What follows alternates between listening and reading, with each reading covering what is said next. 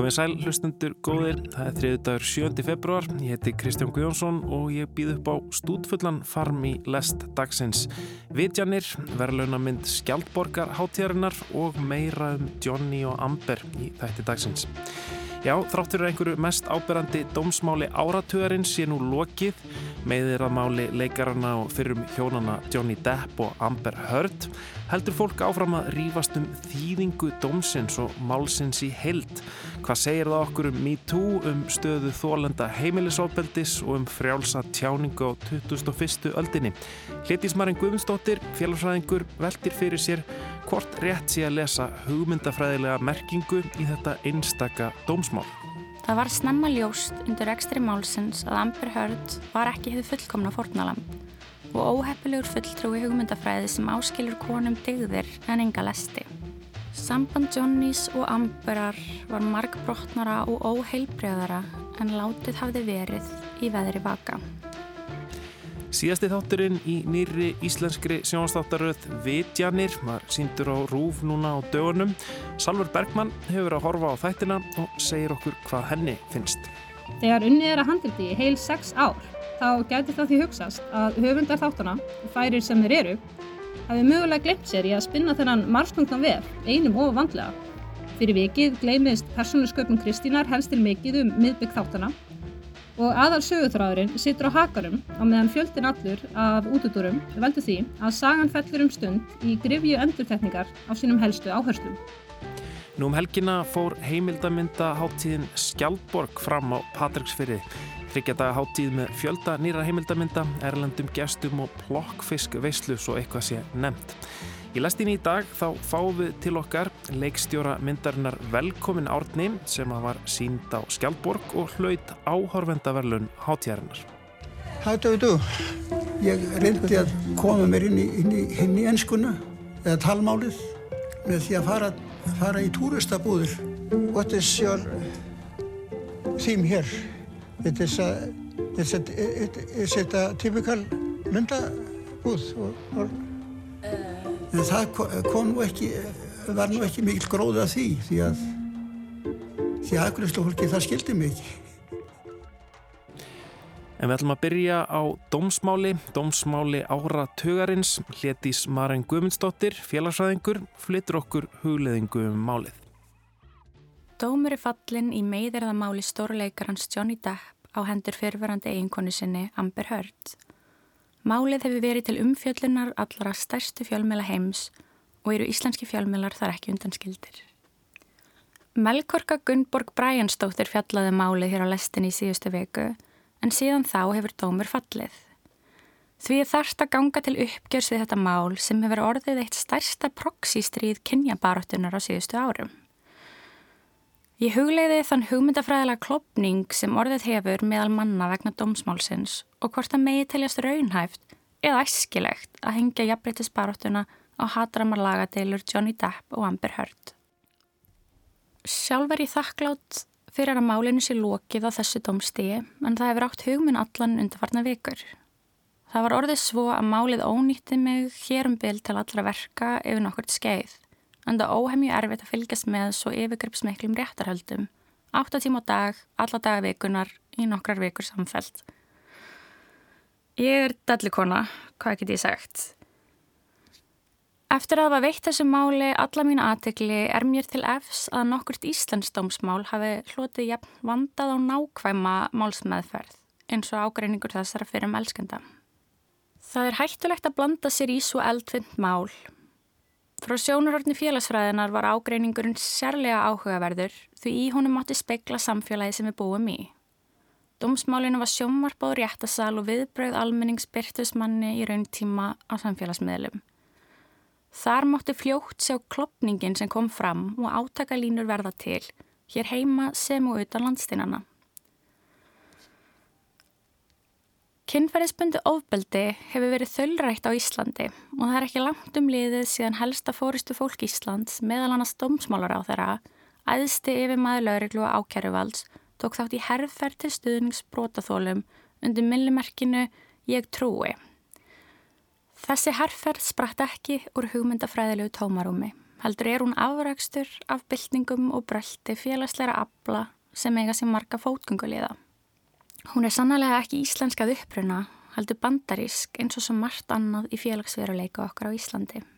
Slagorðið útlagst Believe Women á ennsku og geymir það hugmyndafræði að það beri skiliriðslaust að trúa konum sem lýsa kynferðisofbeldi af hálfu karla. Það var því stór áfangi fyrir Íslands baróttu fólk hreyfingarinnar þegar dómsmálar á þeirran sjálfur tók undir þann bóðskap og yfði eflaust fjæðirir margra lögmanna og dómara í refsi vörslukerfinu sem starfar eftir öðrum grundvallareglum réttarfars. En heimurinn fyldist antaktugur með réttarhöldunum sem hlutu eins og annað að taka endi. Niðurstöðuna var beðið með eftirvæntingu og töldu margir seg að þar talsvert undir.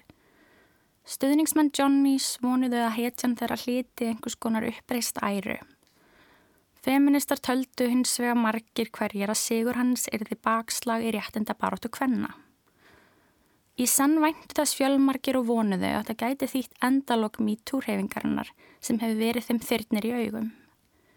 En málinu er lókið og hinn bandaríski kviðdómur hefur kviðið upp sinn dóm. Hann er afgerandi. Johnny Depp vann svo gott sem fullnaða sigur. En hvaða þýðingu, ef einhverja, hefur þetta fyrir me too? Einhverjum þykir sem þetta sé bakslag að dómurinn hafi fært baróttu hvenna aftur um einhver fet. En er það svo? Ágreiningur þessara fyrir um hjóna er í sinni einföldustu mynd aðeins stað. Hann stendur á milli þeirra og ætti ekki að varða aðra en þau.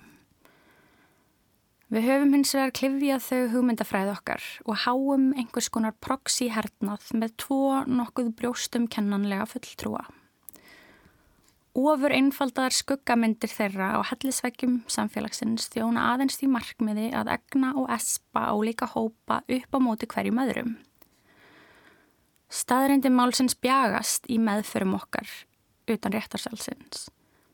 En ef við hengjum merkingakerfið og hugmyndafræðina á úrslitt þessa máls þá verður allt undir og mikið í húfi.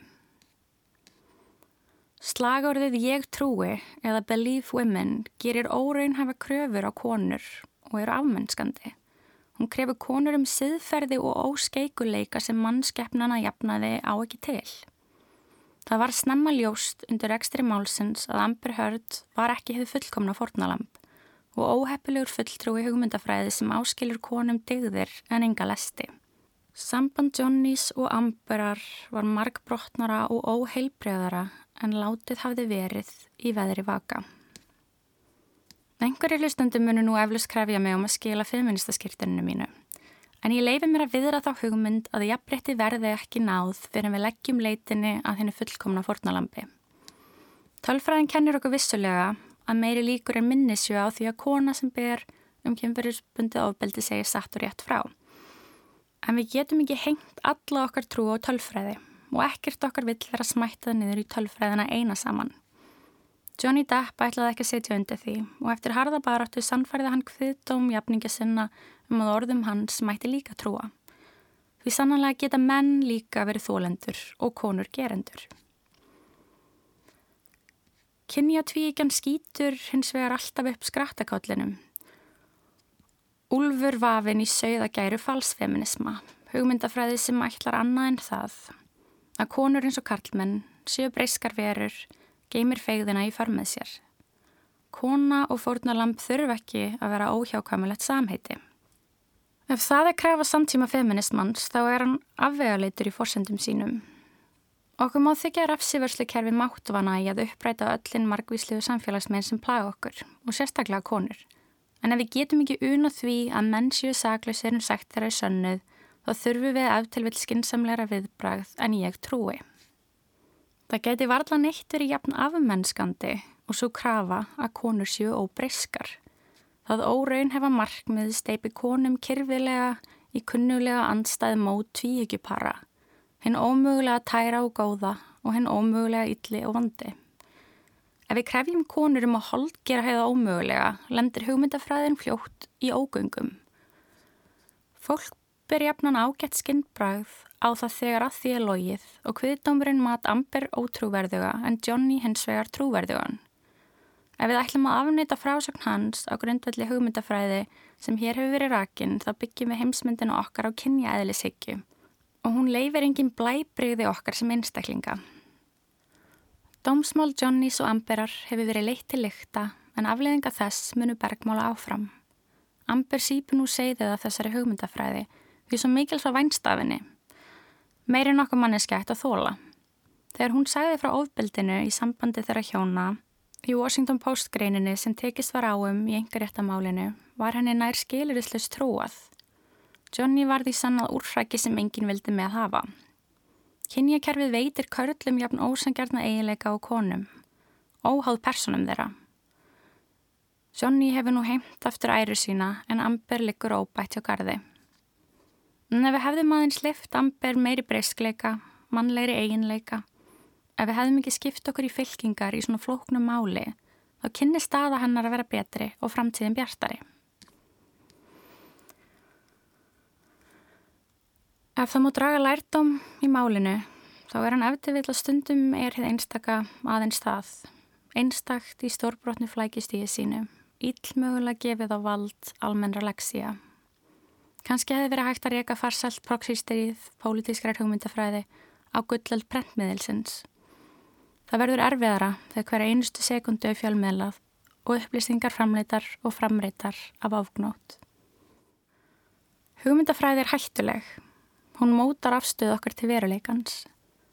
Hún getur þannig blindað okkur á sama tíma og hún virkjar okkur til aðgerða. Við gefum okkur enn á vald fjölmiðla narratífunar, hvort sem okkur líkaða betur eða verð. En framrás samfélagsmiðla hefur fært dagskrarvaldið víðar. Hvað sem okkur kann að finnast mun reynast illmögulegt að tróða þeirri þróun aftur í pandurubóksið. Fólk um allan heim leggur nú sitt á vogaskálanar. Það segir okkur hvað okkur á að finnast og hvernig. Við hlýðum þó að átt okkur á hlutregninu sem fylgir. Það sem verra er, og mun reynast Amber Heard til mesta bölfun, er að alnetið gleymir engu. Með það í huga mættu við öll vanda orð okkar og nálgast mannlega breyskleika með æðruleysi og gæskum.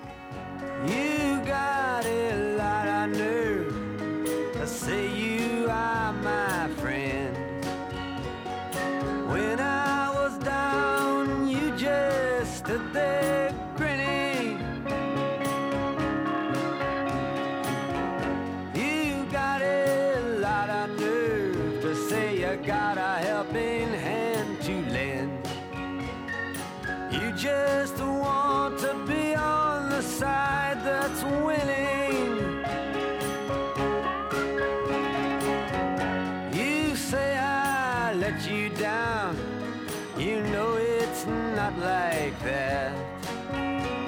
If you're so hurt, why then don't you show it? You say you've lost your faith but that's not where it's at. You have no faith to lose, and you know it.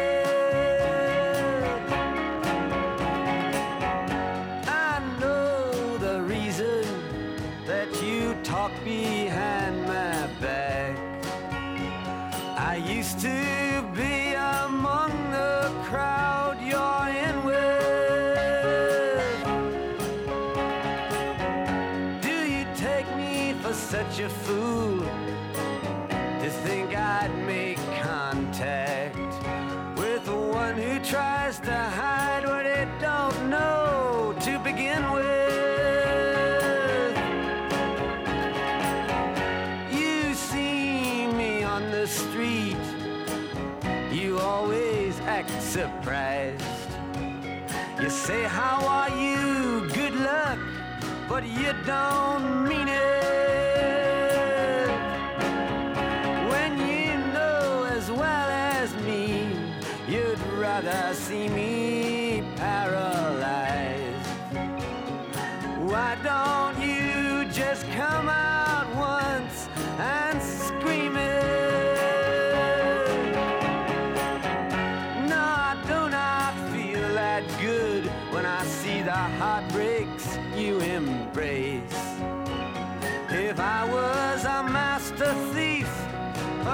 outside.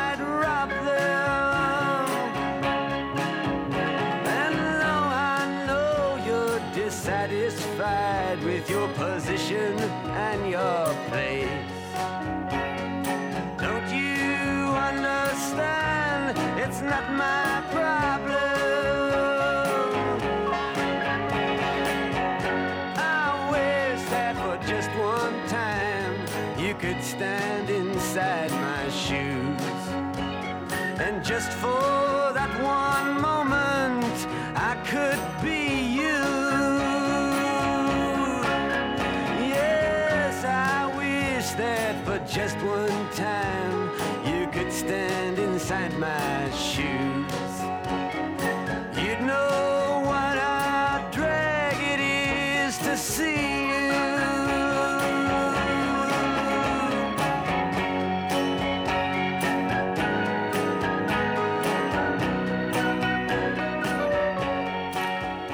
Hlétís Marin Guðmundsdóttir sem flutt okkur þennan pistil, annar pistillin sem hljómar hérna í lestinni um þetta dómsmál, dómsmál sem að margir fyldust með um, Johnny Depp og Amber Heard.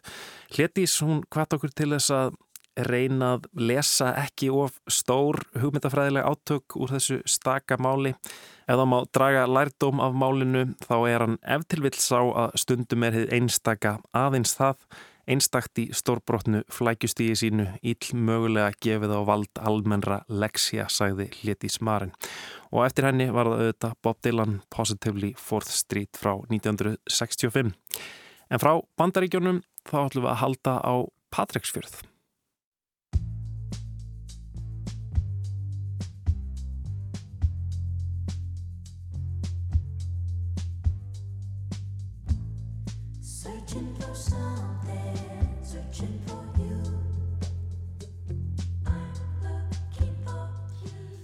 Nú um helgina fór fram heimildamindaháttíðin Skjaldborg á Patreksfyrði. Þreikjata háttíð með fjölda nýra íslenskra heimildamynda, erlendum gestum og plokkfisk veistlu svo eitthvað sé nefnt. Dómnefnda verðlaun háttíðarinnar hlaut kvikmyndin Hækkum Rána eftir Guðjón Ragnarsson mynd sem að fjallar um körfuboltaflokk 8 til 13 ára stúlkna sem vilja breyta viðmiðum í kvennakörfu já og umdeldan þjálfara þeirra. Þetta er mynd sem var umtöluð á sínum tíma og uh, hlýtur nú domnefnda verðlun Skjaldborgar. En aðal verðlun hátíðarinnar, áhorfenda verðlunin Einarinn hlauta þessu sinni myndin Velkomin Árni eftir þau Viktoríu Hermannsdóttur og Allan Sigursson.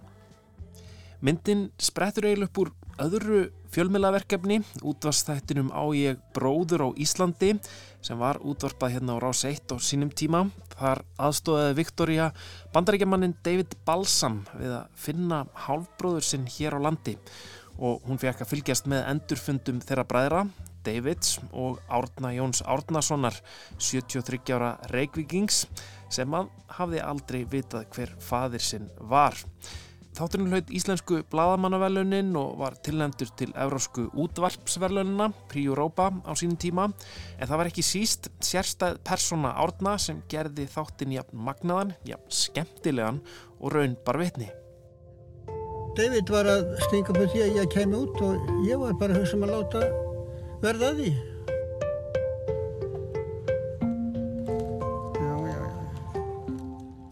Átni er einstæðingur sem að misti móður sína ungur og vissi aldrei hver faðið sinn var en þarna á áttræðisaldri fær hann þessi óvæntu skilabóð frá Ameríku og heyrir í fyrsta skipti um mannin sem virðist hafa verið faðir hans.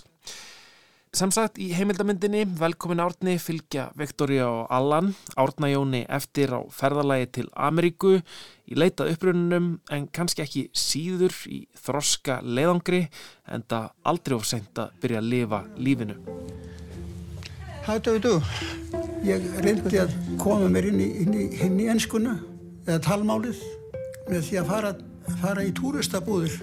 What is your theme here? It is a, it's a, it, is it a typical lundabúð? Or? En það ko- kom nú ekki, var nú ekki mikil gróða því því að því að afgriðslu fólki það skildi mig ekki. þannig að þannig að og ég skildi það ekki heldur. Já, yes, this is so, uh, so how do you like Iceland?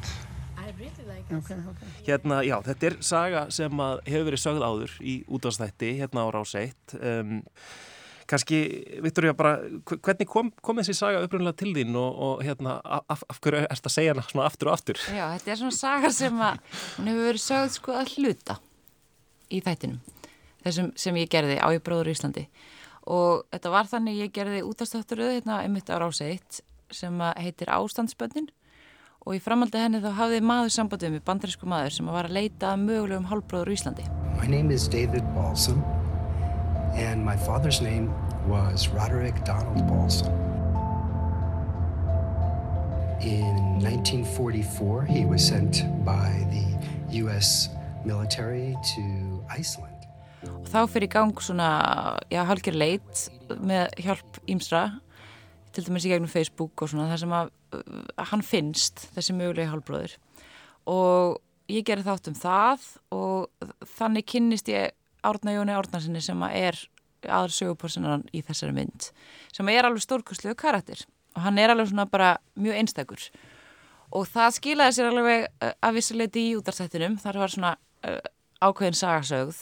En þarna tökum við þetta lengra og fyrir lengra með þetta. Og við fórum sérst eftir ég gerði útarstáttinu þá longaði mig að fá svona kannski meiri staðfærsting á því hvort að þetta væri fjölskyldans eða ekki. Og þess vegna fyrir við með honum út til bandaríkjana til þess að hitta þessa fjölskyldu sína og koma staði í leiðinni hvort að þau séu skildið ekki. Og það kemur í ljósimyndinni og, og hérna en þetta er ekki bara þessi saga, þú veist, þetta er líka þetta, fer, bæðir þetta, ferðalega hans að upprönnum að leita honum til bandaríkjana, en þetta er líka uh, svona ákveðin þroska saga þessa manns og lau- og í leiðinni fáum við að heyra hans svona gettaldi einstöku sögu Mm -hmm. fáum að kynast honum líka, hann er svo skemmtlegur Ég er mjög heimakær maður. Ég horfi mikið á sjónvarp, því eins og skáldið sagði, ég er komin upp á það að allar þakka verðast, að sitja kyrr á sama stað, en samt að vera að ferðast. Og það á við um, um sjónvarpslöfni hjá mér. Ég, ég get farið um uh, eiginlega alltaf heima að geima í gegnum sjónvarpið. Og jáfnframt eh, hef ég tekið upp á því að að taka myndir á venjulega myndavel af því sem að mér þykir, þykir eftirtektavert og, og merkilegt í sjónvarpinu. Svona ger ég þetta. Þá þarf ég að stoppa myndina, nota svo aðrættartakkan og smetli af. Þá er þetta komið í minnið til æfi, til æfi langar að nota sko. Er það ekki rétt að, að í rauninni eftir þennan útvarsnátt þá, þá verði þið átni í rauninni bara vinnir og, og hérna og svona þannig að, þannig að þú nær kannski að uh, kynast honum vel og, og, og sjá alla þessar, þessar ótrúlegu í rauninni hliðarsögur sem eru í hans æfi sem að, sem að þeir svona snertið á uh, margar veginn merkilegar sögur uh, úr hans æfi sem koma fram í þessari mynd. En eru kannski ekki aðlandrið en, mynd einhverja svona mynd af, alveg einstökum ein, einstakri persónu í rauninni? Jú, við, við erum bara orðin mjög góði vinnur sko, hann er bara mjög góði fjölskyldu vinnur og, og hérna og er bara svona hluti af okkar lífi sko. Og jú, það er bara, hann er líka bara einstaklega einlægur og, og góði viðmælandi hann svona, og við erum ótrúlega þakklátt fyrir það hvað hann treystur okkur vel fyrir sinni sögu, því það er ekkert sjálfgefið. Og, og ég held að sé líka bara um, hann er svona, þetta er kannski svona uh, karakter sem þú ert ekkert endilega að, að sjá mikið af í fjölmjölum þetta er svona saga sem að við erum ekkert það er ekkert alltaf verið að segja Mhm. en þetta er líka saga sem að þetta snýr að mörgu, veist, þetta snýr hann er vissulega ástandsbad hann er líka uh, á ákveðin hátt svolítið svona, kannski utangars og oft immana þetta, þetta, nær, þetta nær að fanga kannski líka fleiri hópa en í gegnum hans einstöku sögu Mhm. þannig að það er kannski fleiri sem að samsvara sig við hans frásög sko, að eitthvað leiti En ég mitt, þetta er náttúrulega maður sem augljóslega er ekki að trana sér fram eða, eða, eða k- koma sér, koma sér e, e, fremst í sviðsljósið en, en kannski einmitt út af, út af því að þú ert búin að kynast honum svona vel þá, þá er hann hann einhvern veginn er ótrúlega einlægur og, og, og opinn og, og berskjaldar sig einhvern veginn í, í þessum, sko. mynd Já. þannig að það, það hlýtur að krefast svolítið mikils, mikils tröst yk- ykkur á milli sko. Já, það gerir það og, en, og það er líka auðvitað líka alltaf veist, vandarsamt, maður þarf að sína hérna, þegar maður fólk hleypir manni svona innlegt inn í lífsitt, þá þarf maður auðvitað að, að vera traustins verður. Og við erum að reyna það af, af, af öllu hjarta að, að sína honum þá virðingu að gera þetta á sómasamlegan hátt. Við bræðurnir vorum aldrei, við hvern maður kendur, ég man aldrei eftir því að að neitt sko slíkt bæri á góma sko. Það var, aldrei, það var aldrei eins og var aldrei neitt möguleiki á því að það, það kom aldrei til áleita að þeir færu neitt að að, að, að sinna hvern fólki og það var, það var eins við mig. Það var, og, það var bara eitthvað svo fráleitt. Það var engin það var bara eins og þetta væri bara bara endastöð hjá, hjá, hjá fjölskyldinu sko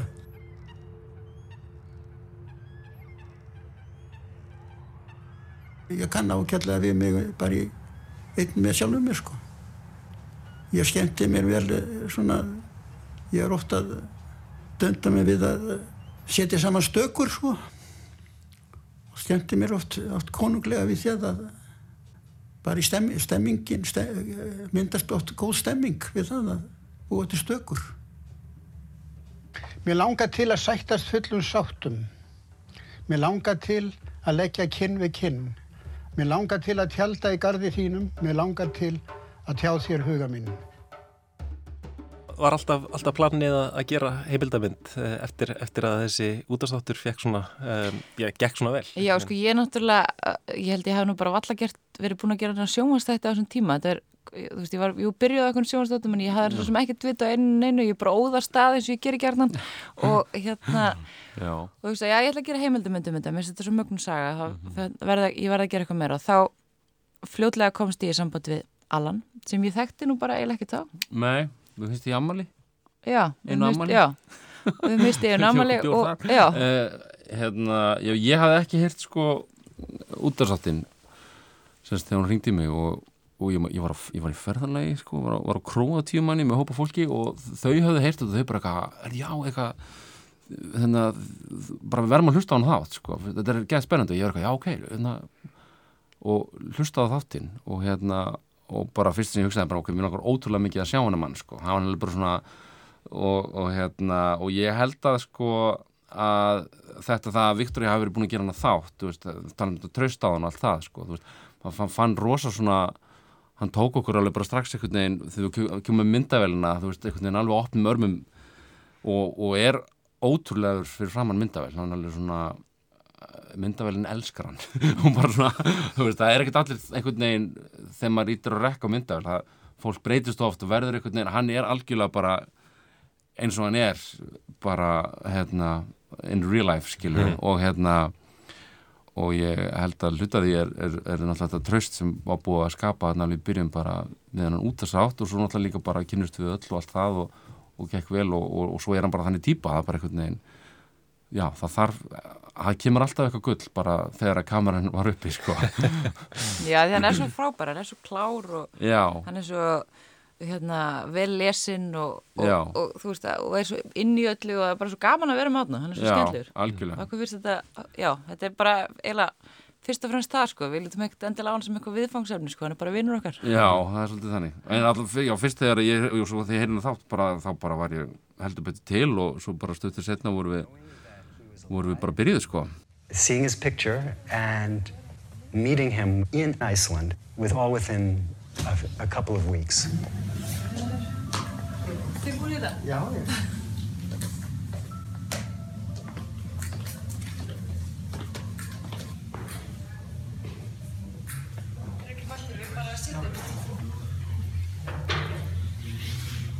Er það að koma það?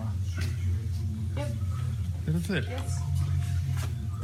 Þannig eru þið komnir. Þeir eru komnir. Já, svo fyrir.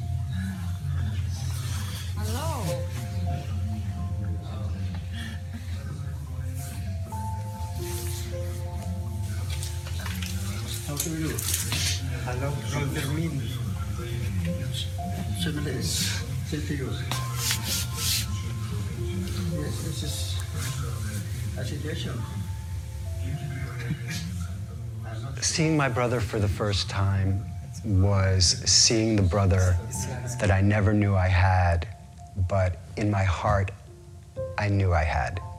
It was the most normal, most beautiful, most deep connection instantly. Viktoria, meina, þú, þú hefur unnið í, í mismöndi miðla um, bæðunni sem bladamæður og svo, svo gert útastætti og, og, og sjónvarp um, að, að segja svona einhvern veginn já, sömu söguna eða, eða, eða söguna af, af, af söm, sama fólkinu og, og svona hvernig, hvernig, hvernig nálgæðast þetta þá öðru í sig einhvern veginn í mynd? Sko fyrst var ég, var mér mjög umhugað um að sko vera ekki að gera útastáttin aftur. Fæst ég þurfa að vera einhvern veginn alveg rosa, ég ætla ekki að fara að gera bara útastáttir sjónvarp. Og auðvitað er þetta náttúrulega stærri saga og miklu meiri saga, þú veist, útastáttur nær bara upp á ákveðinu marki. Þannig að hérna, ég var eiginlega bara svona búin að sko nánast var ég að reyna einhvern veginn nefna útastáttunum ekki að nafn svona fyrst, Já, því að það einmitt. þetta alveg sér.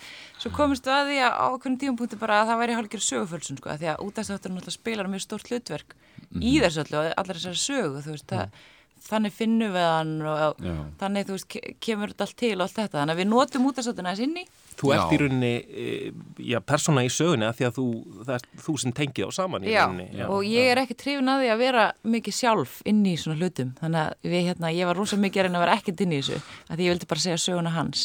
En uh, það er bara já, það er verður ekki hjá því komist Það að ég er svona rétt, svona- ég er rétt lít við þannig að já. bara í gegnum þann útastáttu því við þurftum einhvern veginn að segja hvernig þetta kom til. Já, og það eru bara bútar í þessum uh, útastættir sem eru bara svo ótrúlega mikið, þú veist, þú, getur ekki einhvern veginn búið til þau moment aftur, Nei. skilurðu, Til- þú til veist, dæmis í þetta- einhverju viðtalið eitthvað þannig. Til dæmis þetta magnaða símtal Já, þegar þú ringir upprunnilega í átna og, segir að, að mögulega Já, sé, sé að verið að leita að honum Já. eh, hálbróðir í Ameríku. já, akkurat og það bara einhvern veginn, því er svolítið bara í myndinni bara leist að lifa, sko, Já. þú veist, af því að það bara, já, var rosa uppgötun, sko. Já, halló. Já, uh, Átni Jón Átnason, Jú, Já. það er hann. sætlablasaður, Viktoria Hermannsdóttir heiti ég Já, og er að ringið með kannski dálítið ofinlegt erindi. Ég er sem sagt gerði útvarstætti fyrir Rás 1 sem heita Ástandsbönn já, já, einmitt. og í kjölfarið hafði samband við með maður sem að er að leita mögulegum hálfbróður sínum á Íslandi. Já, já, og mamma hans eh, eða mamma þessi hálfbróðans á að hafa heiti Guðbjörg Tómasdóttir. Og ég fann það út á Íslandingabóka að hún hefði átt son sem heitir Átni Jón Átnason og ég var að spá hvort að það geti verið þú jú, jú, það er alveg, getur alveg passað. móðu þín hétt Guðbjörg Tómasdóttir Já, já, hún get það. Já. Og, og veist þú hver faðið þinn er? Nei, ég hef ekki, hef ekki neina, neina glóðum það. Fyrir mér var þetta bara svona, ég get ekki ímyndum að ég sé að fara að finna aftur einhverja típur eins og átna til þess að vera fjallum, skilur, eða þú veist, maður bara svona, maður vildi gera þetta alveg bara setja allt í þetta, skilur, gera þetta alveg eins mögulega vel, og mögulega gat, sko, þú veist, á, á þeim tímaramar sem við höfum og allt það, en, og budget og svo frammiðs, en, en sko, en, en þannig að maður alveg svona, maður, þetta verður rosalega persónulegt einhvern veginn, sko, maður, þó eins og þú segir, þetta, þetta tengist, þetta eru sumu tólinn og, og allt það sem maður er að nota og maður er að gera sjónsætti, en Já, svo er þetta líka þessi það. sko þegar maður mæti bara að vera að gera útastátt þá ertu náttúrulega bara þú sjálfur með þú upptökutæki eða síma eða hvernig sem það er en Mhm. þú ert ekki með og það er alltaf allt öðru sig að mæta með myndavél og kannski hljóð og allt þetta, þú veist, það er miklu meiri innrásin í lífið, sko. já, Þannig við vorum líka við vorum pössuðum okkur að vera við alltaf gerum, reynum að samt að vera einhvern veginn svolítið fluga á vekk sko að þú veist að vera ekki of að það sé ekki of ábyrjandi og allan gerir það svo vel þú veist hann er bara einhvern veginn með og svo vorum við líka bara byrjuðum á þessu og, og Sóli maðurinn minn var hljóðmaður og reynda týndi bóminu í fyrstu tökuferð það, er- Sóli, það er hennu saga Sóli Holm eh, og fekk nafni Sóli Bóm, sko, Já. og hérna, hann, já, týndi strax stönginni, sko, það var, þannig að það var engin bóma úti, það var svolítið, Já, hérna, er já. en það, við vorum með aðra mikrofóna sem, Já. sem rættu þessu. þannig að við vorum svona bara já, þetta er svolítið bara heimaverkefni sko einmitt. Já, bara já, sóli settur í smá- hljóðið og Já. hann Hann- dreigir með í þetta allt saman greið Já, já, og hérna kom bara vel, út hljóða öllu Mm, Hvenar munu svona almennir áhöröndur geta, geta síða þessa mynd? Er, er það vitað?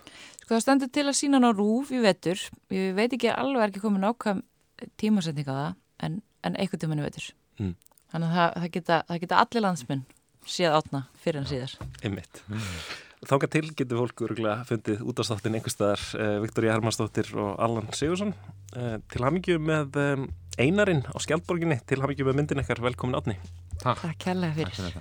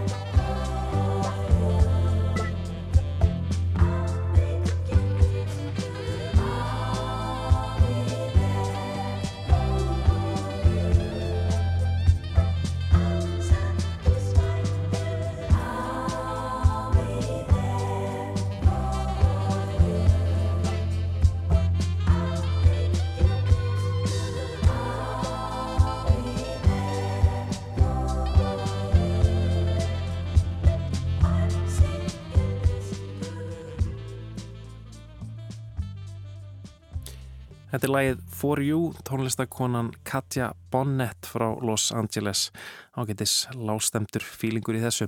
Það voru Viktoria Hermannsdóttir og Allan Sigursson sem að sögðu okkur frá myndsinni Velkomin Orni sem að fekk áhorvendaverlunin einarinn á heimildamindaháttíðinni Skjaldborg á Patræksfyrði núnum helgina.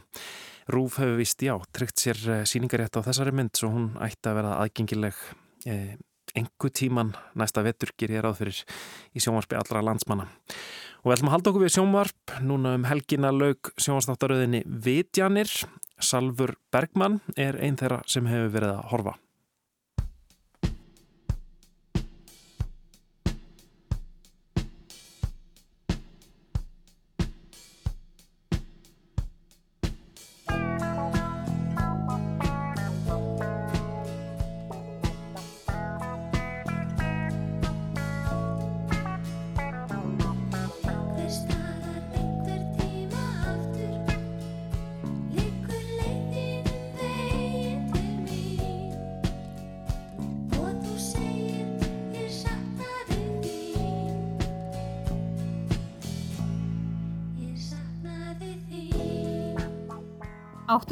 Síðasti þáttur vitjana datt í lofti síðasta mánudag.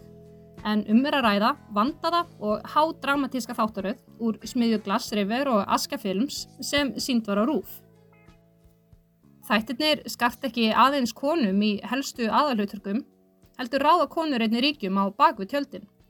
Þar sem Eva Sigurðardóttir leikstýrir og skrifar einni handritið á samt þeim Kolbrunu Önnu Björnsdóttur og Völu Þórsdóttur. En þær tvær leika einni vega mikið hlutverk í þáttunum. Þetta kvenlega þríegi sem stendur á baku gerð þáttuna endur spekla síðan í innihaldi þeirra. Þar sem Kolbrún og Vala leika þær Hönnu og Hurunu, samstarfskonur Kristínar á heilsugesslunni í Hólmafyrði, en Kristín, leikin af Söru Dögg Áskirsdóttur, byrjir að starfa þar eftir að maðurinn hennar heldur fram hjá henni og hún flist með unglingsdóttur sinni úr Reykjavík aftur á heimanslóðir. Þegar þangað er komið, endur nýja meðgurnar kynni sín við móður Kristínar. En þar með hefur myndast annað kvenlegt ríki þar sem þrjár kynnslóður kvenna eru saminaður á ný. Og ekki veitir af, þar sem við tekur ríkalega skrautlegt melodrama sem þætti heilmikið fyrir hvaða fjölskyldu sem er. Haft hefur eftir handursöndu þáttana að sagan hafi tekið sex ár í vinslu þar til hún var tilbúin til framlýslu. Þessu trúi ég mæta vel þar sem hver krókur og kimi framvöndunar tengir saman í flókin vef og allt margvíslega dramað sem á sér stað í skáldaða smábænum hólmafyrði er samofið á thematískan hátt. Helsta þema sem við stöndum frammi fyrir er af sambandi fortíðar og nútíðar, en þegar aðalpersonan flyttur í gamla bæin sinn, þarf hún svo sannlega að horfast í augu við fortíðina á fleirin eitt veg. Draugarnir sem miðillin móður hennar á í samskipnu við eru bókstarleir tákgeringar þessara fortíðar á meðan viðvera þeirra fer einni að tákna sambandið sem fólkið í bænum á við eigin fortíð og hvernig það samband hefur áframhaldandi áhrif á kynsluður þeirra sem eftir lifa. Því mætti segja að þó að fjölmarkar litrikar sögupersonur deili skjánum í viturum, þá sé aðalpersonan á vissanhátt fortíðin sjálf. Sem ekki einungis mótur okkur öll, heldur stjórnar einni hefðun okkar og samböndum. Þetta kemur til dæmis fram í því hvernig unglistóttir Kristínar, Lilja, erfir skegnigáfi ömmu sinnar. En einni hvernig Siggi, eiginmaður hönnu, reynist ofbeldismadur, en í ljós kemur að honum var miðstyrmt af eigin móður í æsku. Blessanir, jæmt sem bölvanir, eru þannig hvoru tvekja síndar sem eitthvað sem gengur í erðir. Og lítil kvítlígi kynnslóðurinnar sem á undan kom getur grassirast í gegnum áratugina, svo úr verði gríðarlega flækja sem að endingu virðist ómögulegt að leysa úr fyrir þá kynnslóð sem á eftir kemur. Hvernig dettur þér í hug að handtaka bróður þig? Mamma. Að þú skulur ekki skammast þín, drengur. Þetta er komin út um allan bæ. Svona, hleft honum út. Sigur hvað draugur að handingin fyrir heimilisofbeldi og hann verður hérna út. Heimilisofbeldi? Hva, hvaða rugg er þetta? En svo hann ekki dánlaðins í börnin sín? Ekki gera það ykkur neitt mein? Ekki það. Alki ofbeldismæður á lögfræðingur. Það er ég að segja mér að. Hvernig þættirnir fjalla um þessi áhrifamiklu tengsl fortíðar og nútíðar er þannig einni táknað með sambandinu milli kynnslóðana. En það samband virðist við upp af þáttana enginnast af tókstrytu. Svo tókstryta kemur síðan fram á ýmsa vegu, til dæmis milli dulhyggju og raukhyggju. En Kristín trúur ekki á skegningáðu móður sinnar, frekar en á móður hennar, trúur á ágæti livjagjafar gagvart eigin geðkarasíki. Draugar, geðsjúkdómar, framhjáhöld, lindarmál og heimilisofbeldi telja síðan aðeins til nokkura af þeim fjölmörgu viðfengum samverðandi söguþræða hjá fólkinu og hólmafýri. En hér er sannlega um að ræða ekta íslenska sábúopuru. Eflaust eru margir sem munu einfallega hafa gaman á þessu gífurlega frambóði af melodrama. En ef öðrum þykir því of aukið, þá skal hafa í huga að síðan nána rýnt í hvert tilfelli fyrir sig, kemur í ljós að allar þessar smásögur táknaður en sömu endurteknu þemun. Handritið reynist þannig alveg gífurlega vel útfært og stundum jafnvel aðeins of vel útfært. En ég skal taka fyrir dæmi úr þáttarum málum mínu til stunings. Í fymta þætti fer dulafullur sjúkdómur að herja á starfsmenn uh, fiskivinnslu í bæjarfélaginu. Sjúkdómurinn reynist ekki vera smitandi eins og fyrst er talið, heldur er um að ræða bakteríusýkingu vegna þess hversu gamlar og ryðgaðar pípulagnirnar eru í kjallara þess húsnæðis sem erlenda vinnuafli deilir. Ef krafsaður undir yfirborð uh, þessara smásu sem er að gerast á skjánum, má sjá hvernig hægt er að lesa úr þessum útudúr sama þema og gert hefur verið grein fyrir. Hvernig fortíðin muna endingu bytna á þeim sem lifa í nútíðinni, sé ekki tekist á við hana og hreinsa til í lögdunum. Þegar unnið er að handriti í heil sex ár, þá gæti það því hugsast að höfundar þáttana, færir sem þeir eru, hafi mögulega glemt sér í að spinna þennan marstungna vef einum og vandlega.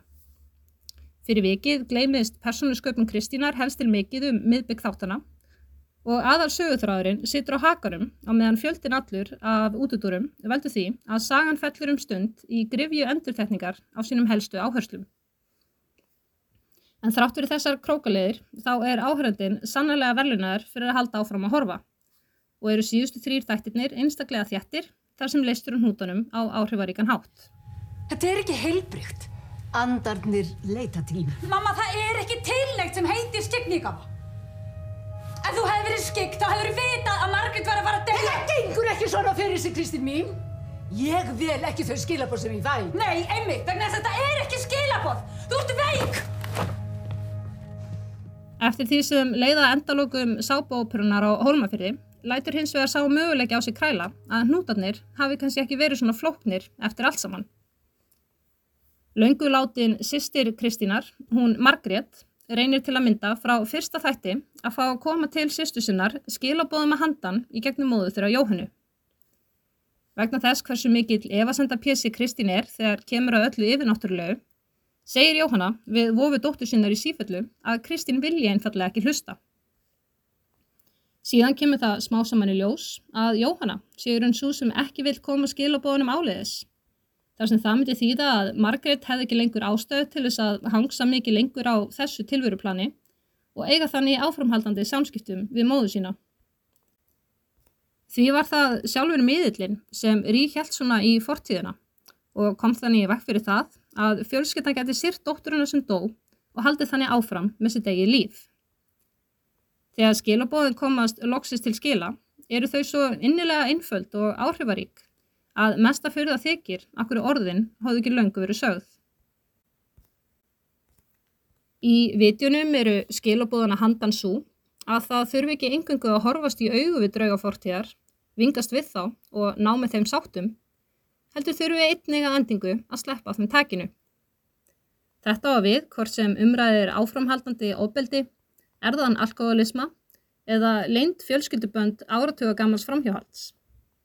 Ef sögurþráðurinn virði stundum flæktur um of eða sápóoperan stundum helst til dramatísk, jafnvel þau þurfi ekki að vera það, er það því mögulega tákgrænt fyrir skilabóð sögunar í heilt.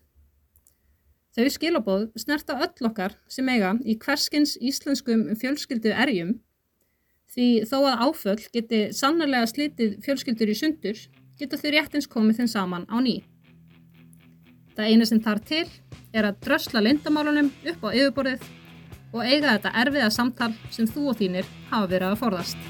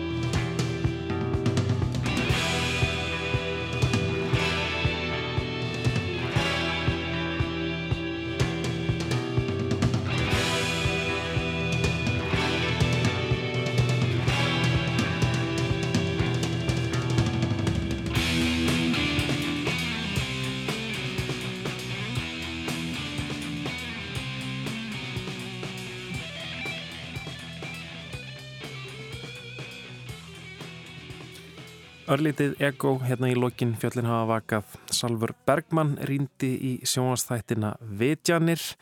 Skilabóð sögunar snerta öll okkur sem eiga í hverskins íslenskum fjölskyldu erjum því að þó áföll geti sannlega slitið fjölskyldur í sundur geta þau réttins komið þeim saman á ný, sagði Salfur Bergmann um Vitjanir. Já og þetta var síðasta stoppið í ferð lestarinnar þennan þriðjudaginn. Lestin brunar af stað á sama tíma á morgun, stundvísislega klukkan 17.03 ára á seitt en auðvitað hverna sem er í spilaranum og hlaðarsveitum. Og þar getið auðvitað gerst áskrifendur af þættinu, hlustendu góðir, það eru auðvitað frábær hugmynd, fáiði alltaf fréttir um nýja þætti. En já, við Kristján Guðvarsson og Kormákur Marðarsson, tæknum maður, þakkum fyrir samfélgin í dag. Verðið sæl.